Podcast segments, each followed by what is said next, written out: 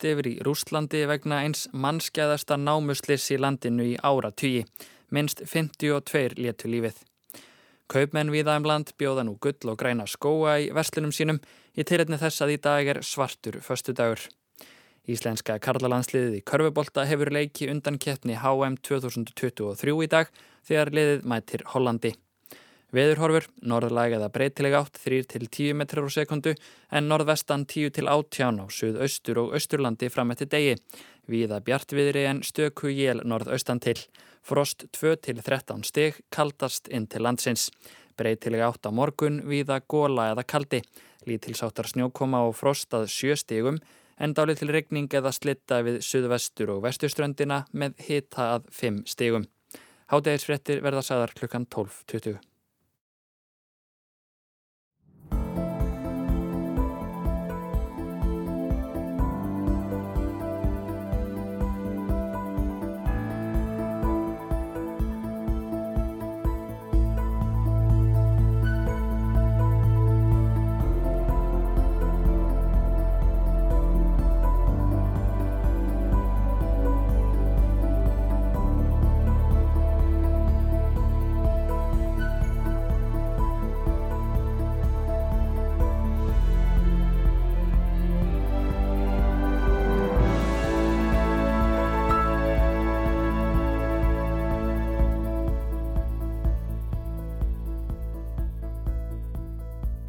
Útvar Breykjavík, góðan dag. Í dag er förstu dagurinn 20. og 7. november. Þú ert að hlusta á frettaðáttinn Hádeið. Ég heiti Guðmundur Björn Þorbjörnsson.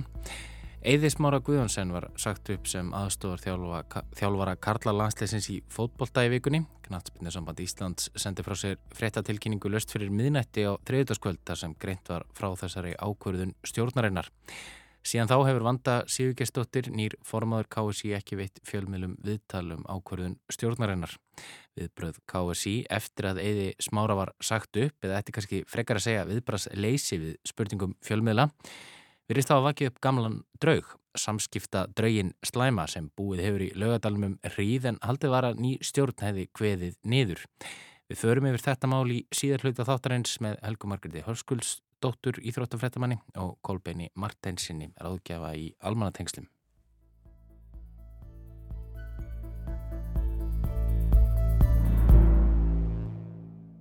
En við byrjum á öðrum draugi, markaðsdraugirum, eða þetta er kannski frekar að segja mammón sem í Nýja testamentinu er holdgerfingur græðki og peninga. Við þjónum ekki bæði Guði og Mammón segir þar en á hebræsku merkir orðið einfallega peningar.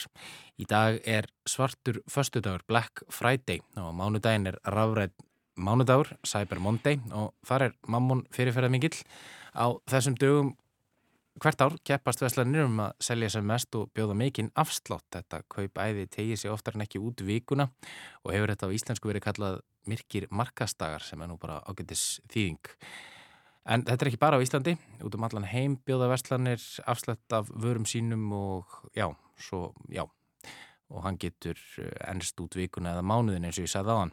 En það er ekki langt síðan Íslendikar fóru að halda upp á förstu daginn svarta en dagurinn á sér djúpar rætur.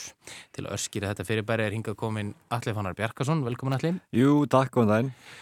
Hvenar fóru verslanir að bjóða upp á afslátt akkurat á þessum förstu og afhverju og hvernig stendur á því að við kallum þetta svartan förstu dag? Já, það er góð spurning. Hérna, það eru ymsa kenningar um uppruna svarta fyrstutagsins en uh, þetta er dagu vestlana og kannski neytenda þannig að það ætti ekki að koma neinum á óvart að hann var til í bandaríkjunum. Uh, fyrstu heimildunum svarta fyrstutag uh, höfðu ekkert að gera með afslátt af bröðrist eða tilbúða handklæðum heldur hrun gullmarkaðarins í bandaríkjunum 24. september 1869. Það voru braskararnir Jay Gould og Jim Fisk sem keiftu upp gull í gríð og ergi vonum að keira verðu upp í hæstu hæðir og selja svo með miklum hagnaði.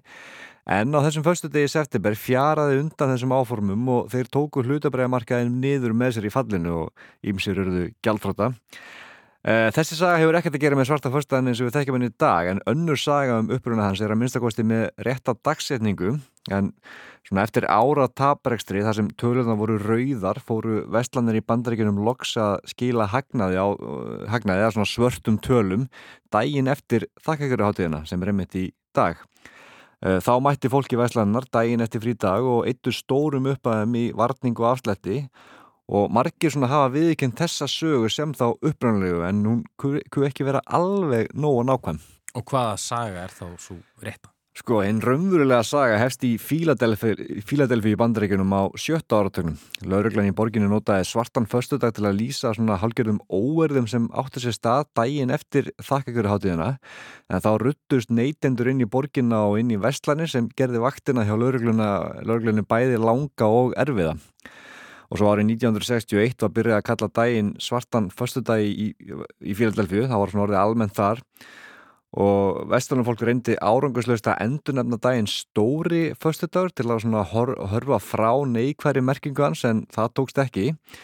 Og svo nýjöndu áratögnum hafði svarti föstudagurinn breyðst út um öll bandaríkin og neikvæða merkingin var lungu glimt og, og, svo, og þá var komin aftur sagt, skýringin um rauðu og svörtu tölunar sem var það ofan á sem sögu skýringin í dag en, og nú er engin að pæla í, í lauruglunni í, í Fíldelfíu Emmett, en þú talar um að neytendur hafi, já, fólk hafi rauðst inn í, inn í verslanir eh, það er náttúrulega kannski einhverju leitið sem við sjáum gerast á, á Black Friday að fólk, fólk sko er en þá er náttúrulega ekki að brjótast inn og, og stela en, en, en það er svona þessi sama já, bara þetta káos sem, sem að maður hefur síðað fréttamöndum frá þessum degi. Algjörlega, það, þessi múæsingur, ég maður bara, það er ekkert vola langt síðan, nokkur ár síðan við svona hérna á Íslandi horfum á þessa myndir til og meins frá bandaríkunum og svona, svona brostum út í annað, en svo sér maður eiginlega bara samskona myndir frá þessum dögum hér eftir að, eftir að við tókum síðan upp hérna hér á landi.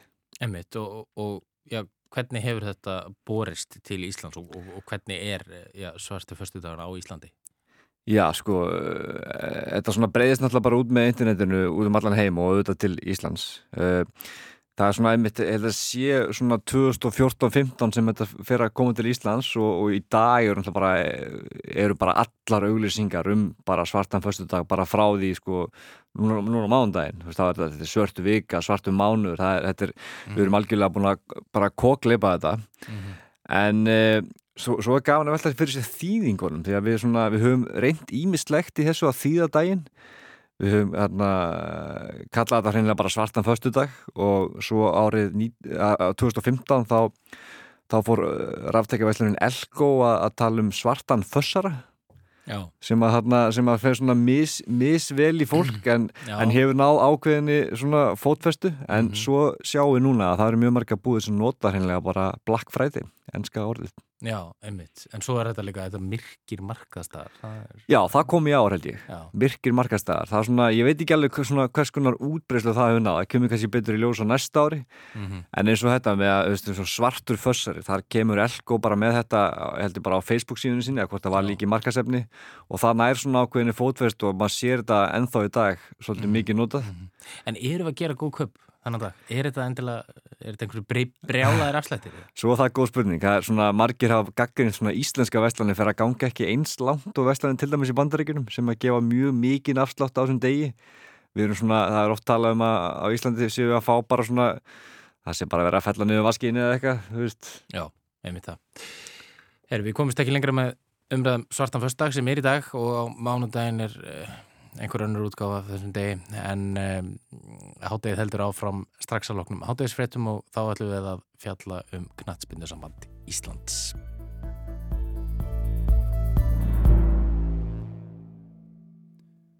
Eiði Smára Guðjónsson var sagt upp sem aðstofur þjálfara Karla Landsleisins í fótbolta í vikunni. Knatsbyndu samband Íslands sendi fá sér fréttatilkynningu löst fyrir miðnætti og þriðutaskvöld þar sem greint var frá þessari ákverðun stjórnarinnar. Síðan þá hefur Vanda Sigurgestóttir nýr formaður KSI ekki veitt fjölmjölum viðtalum ákverðun stjórnarinnar og hefur svo ákverðun, eða það er ákverðun um að veit ekki viðtal, vakið nokkuð umtal. En það er ekki verið að reka hér hvert sem er, eða smári er ekki bara einhver aðstofðhjálfari, hann er besti knastbyttumæður sem Ísland hefur, hefur aðleð af sér og já, hingaði komin Helga Margreit Törskustóttir í þrjóttafrættamæður til að útskýra þetta mál fyrir okkur. Velkomin Helga. Takk fyrir það. Þessari yfirlýsingu sem byrtist á VFKSI á triðuskvöld. Já, þessi yfirlýsing byrtist eftir þar og, og var senda á fjölmiðla og það er sérst greint frá því að KSI og Eður hafi komist að samkommulagi um starfslokk Eðis og að e, svo kallað endur skoðunar ákvæði hafi verið virkjað í ráningarsamningnum hans og Í tilkynninginu er líka vitnað í eið og, og hann segir að samkomulega um, um starfslögin hafi verið gerð með, með hagsmunni hans landslýsins og, og KSI að leiðarljósi og hann e, kemur líka svona inn á að síðasta ár hafi verið mjög krefjandi bæði innanvallar sem utan og, og þá bæði fyrir hann persónulega og, og svo þetta sambandi eins og við erum náttúrulega farin að þekka svolítið allt og vel kannski. Einmitt, það er kannski svolítið hrauslega til orða að tekja heimir að segja hún hafi verið sagt upp og þetta er náttúrulega einhvers konar samkómulag en, en það er þó ljóst að já, KSI vildi ekki hafa hann áfram og það er svo sem verið fjallað um það í, í fjölmjölum hvers vegna það er, það hefur verið þarna, haft áfengi um hönd í einhverju e, eftir leik Íslands og Norður Makedóniu en börstjum frá því, þá er tímasetningin á þessari tilkynningu, hún er svolítið skrítin, ekki satt? Jú, þetta er náttúrulega mjög undarlegt. Hún berst eh, fjölmjölum hanna klukkan hálf tólf þetta þriðdaskvöld og ég er engin almanna tengill en þetta hljóma svona eins og leið til þess að reyna að gera eins lítið úr máli og hægt er. Eins og þau vilja ekki að þetta berist víða og svo hindrar þetta náttúrulega líka að það sé hægt að fylgja þessu eftir svona strax í kjölfarið. Þú ert ekki mhm. að fara að ringja í eitthvað til að fá komment eða mæta heim til einhvers og hitta hann á náttúðunum til þess að taka að þetta er svona já, það er svo náttúrulega engi skrifar fyrir þessar tilkynningu heldur þannig að það er ekki verið að gefa boltan á neitt þannig að þetta er svolítið svona, já, þetta er mjög undarlegt vinnu atverði myndi ég að segja sko. Emitt, emitt og svo daginn eftir þá fara náttúrulega fjölmjölar á fullt og, og, og vilja vita meira en þá er bara þögn í löðanum, bara, bara sótn. Já, það náðist bara ekkert í, í vöndu og, og raunar bara var lítið að frétta frá öllum eh, stjórnamönnum sambandsins Svo var það Ómar Smárasson, samskiptastjóri KSI sem að rætti við okkur til dæmis á Íþrótdeldinni og að hans sögn var það vegna þess að vandar með bóka að fundi allan daginn er þið upptekinn bæði fyrir og eftir hátegi og af því að fjölmjölar þyrtu svör þá tók hann það bara að sér að svara þeim mm -hmm. sem er nú kannski ekki endilega starf eh, samskiptafulltur þegar svona mál koma upp af því að hann tala náttúrulega ekki beint fyrir hönd eh, vöndu til að mynda formansins Nei, einmitt En uh, í hans máli kemur fram að sambandið hafi ekki sérstaklega ágjur af áfengi í tengslu við landsliðin almennt og, og, hérna, og hafi ekki þótt ástæður til að gera endilega eitthvað sérstaklega ráðstafanir hvað var það þar. Uh, enda þurfi fólk bara að bera ábyrð á sér sjálft. Og hann segir að ástæða fyrir þessari tímasetning og tilkynningunni, hann segir að hún hafi verið einfallega svo að fundur hafi dreyðist á langin og og þegar það hafi verið búið að láta alla vita sem maður þurfti að vita þá hafi klukkan verið orðið margt en þau hafi hugsað að það væri betra að senda tilkynninguna út þannig að klukkan halv tólf og þrjótaskvöld heldur hann að býða til morguns mm -hmm. Og svo rýfur vanda þögnina í gær en veitir þú ekki viðtal eða hvað?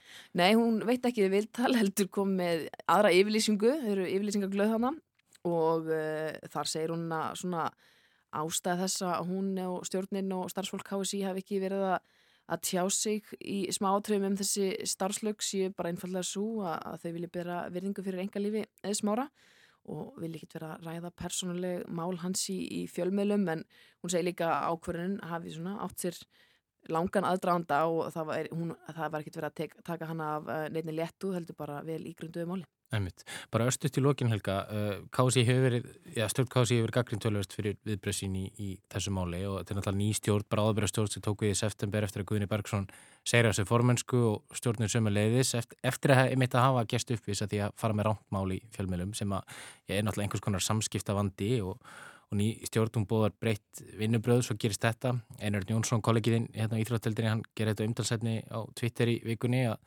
og nefndi meðal hans að vandaði gert það sama fyrir ásting KSI, neita að tala við fjölmila KSI sé ekki enga fyrirtæki, heldur ofinbært batteri þetta reytur óþægilegt fyrir ykkur sem íþróttafrættum Já, það gerur okkur náttúrulega svolítið erfitt fyrir þegar fólk svarar ekki fjölmilum eða vill ekki mæta í viðtöl og þegar svona stór mál kom upp er bara já þetta er bara vond líka bara fyrir sambandi sjálft og mér langar kannski bara að segja knallmynda hreyfinguna í heilsinni að, að það sé enginn til taks til að svara fyrir þessa ákverðin og það er þá alveg butt sér frá því hver þessi ákverðin er, hver aðdragandin er og hverskins, um hvers, hverskins mál er að ræða ef það er ekki hægt að fá nánari útlistingar þegar að frettilginningar eins og þessar berast þá og það er ekki verið að svara símtölum og, tölupóstum þá hérna, fara náttúrulega bara allir að hugsa að það sé maðgur í musni. Emið það, takk fyrir komin í hátegi Helga. Ég spurði Kolbein Martinsson ráðgjafa í samskiptum hjá Ategli, almanatengslum, út í, já, hvað almanatengsla fræðin hafa að segja um þetta útspil KSI, að svara ekki símtölum fjölmila? No comment, sem að er raun og svara ekki símanum, er svolítið no comment, það er aldrei gott svar og maður á aldrei að gera það. Uh, það er mjög mikilvægt sem að, hérna, það er mjög mikilvægt þegar maður er að reyna endurreysa ímynd sína og trúverðuleika sem, sem KSI sannlega þarf að gera og er að gera eftir, hérna, eftir, hérna, eftir allt sem undan er gengið að uh, menn veri með skýr og einföld skilabóð. Uh, það er líka, við erum líka að tala um sko auðvitað að vera að segja upp landslýstafara. Ég ætla að minna líka á það að þetta er annar landslýstafarin sem er hættur að láta taka póka sinn út af uh, meintri drikju. Ég þekki náttúrulega ekki tær sögur en það getur gerist líka í þjálfvara kvennarlandslýsi segir maður rétt, er það ekki rétt í mér? Muna? Jú, bara fyrir árið síðan Já, og uh, þú veist, mér finnst það, það er svona rík, það er ofmikið það er ofmikið mörgu ósvarað svo líka minni ég á það bara, ég ætlum að segja að ég verði að vera aðveikjaðum að það er ekki verið að segja með vennilegu manni, sko, þetta er þetta ásælasti knarspytumæður og okkar langtasti fókbóltamæður eða knarspytumæður sko samtímans og bara setni ára sem maður sem er langt lengst og er elskaður og dáður á þjóðinni sem, sagt, sem hefur bara sérst hérna, sérst best í því að það voru allir svo við leiðir fyrir hans hönd hvað hann fekk lítið að spila allir með svo EM sko því hann er alltaf maður sem búið að draga vagninu fyrir allir yfirbúra maður þannig að veist, það er aldrei gott að svara ekki og þegar þessi ákvörðinu tekið tilkynnt þá hefði þurft að vera tilbúin einhvers konar hérna, einhvers konar hérna, viðbársáðallum við barðandi hvað menn myndur segja, ég ætla líka samt að segja það það er mjög erfitt að tjásu um einstakar starfsmannamál en það hefði hins vegar mátt segja frá vísa í það að hérna, ég ljósi alls sem undan gengið að núverandi fórust að KSI væri með einhvers konar plan í gangi um hvernig þetta taka sambandið áfram.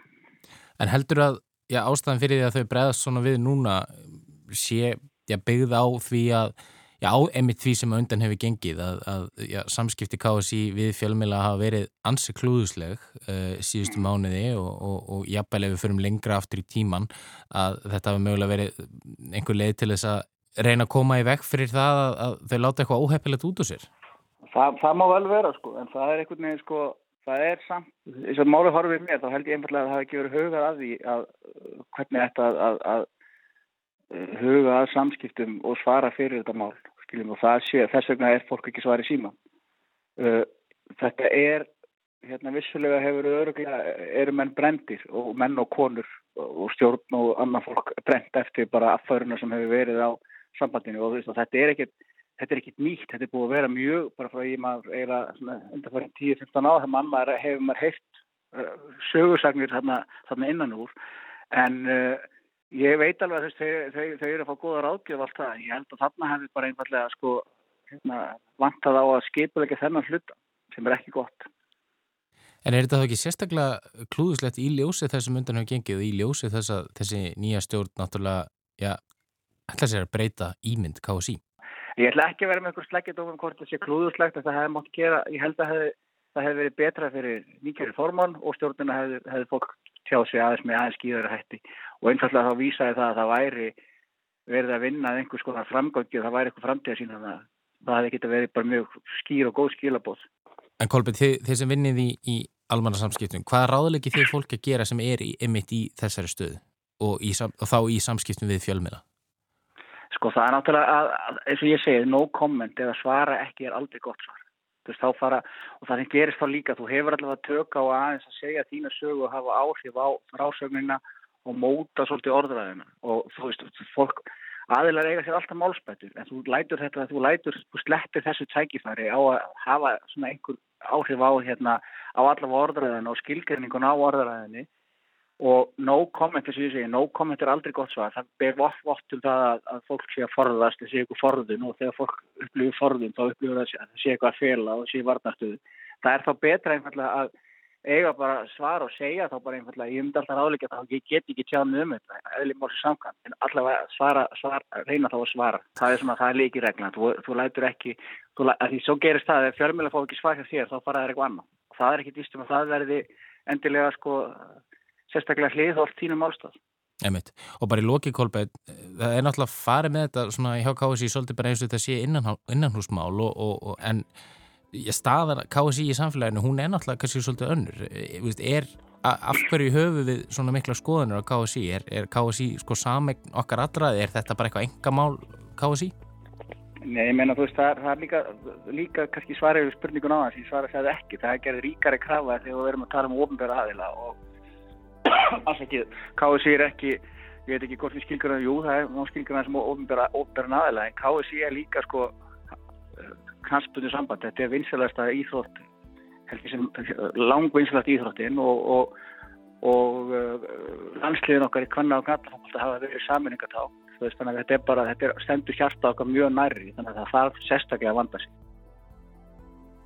Saði Kolbjörn Martensson. En hádegið er á enda þessa vikuna. Við verum hér aftur á sama tíma á mánudaginn. Verið sæl og góða helgi.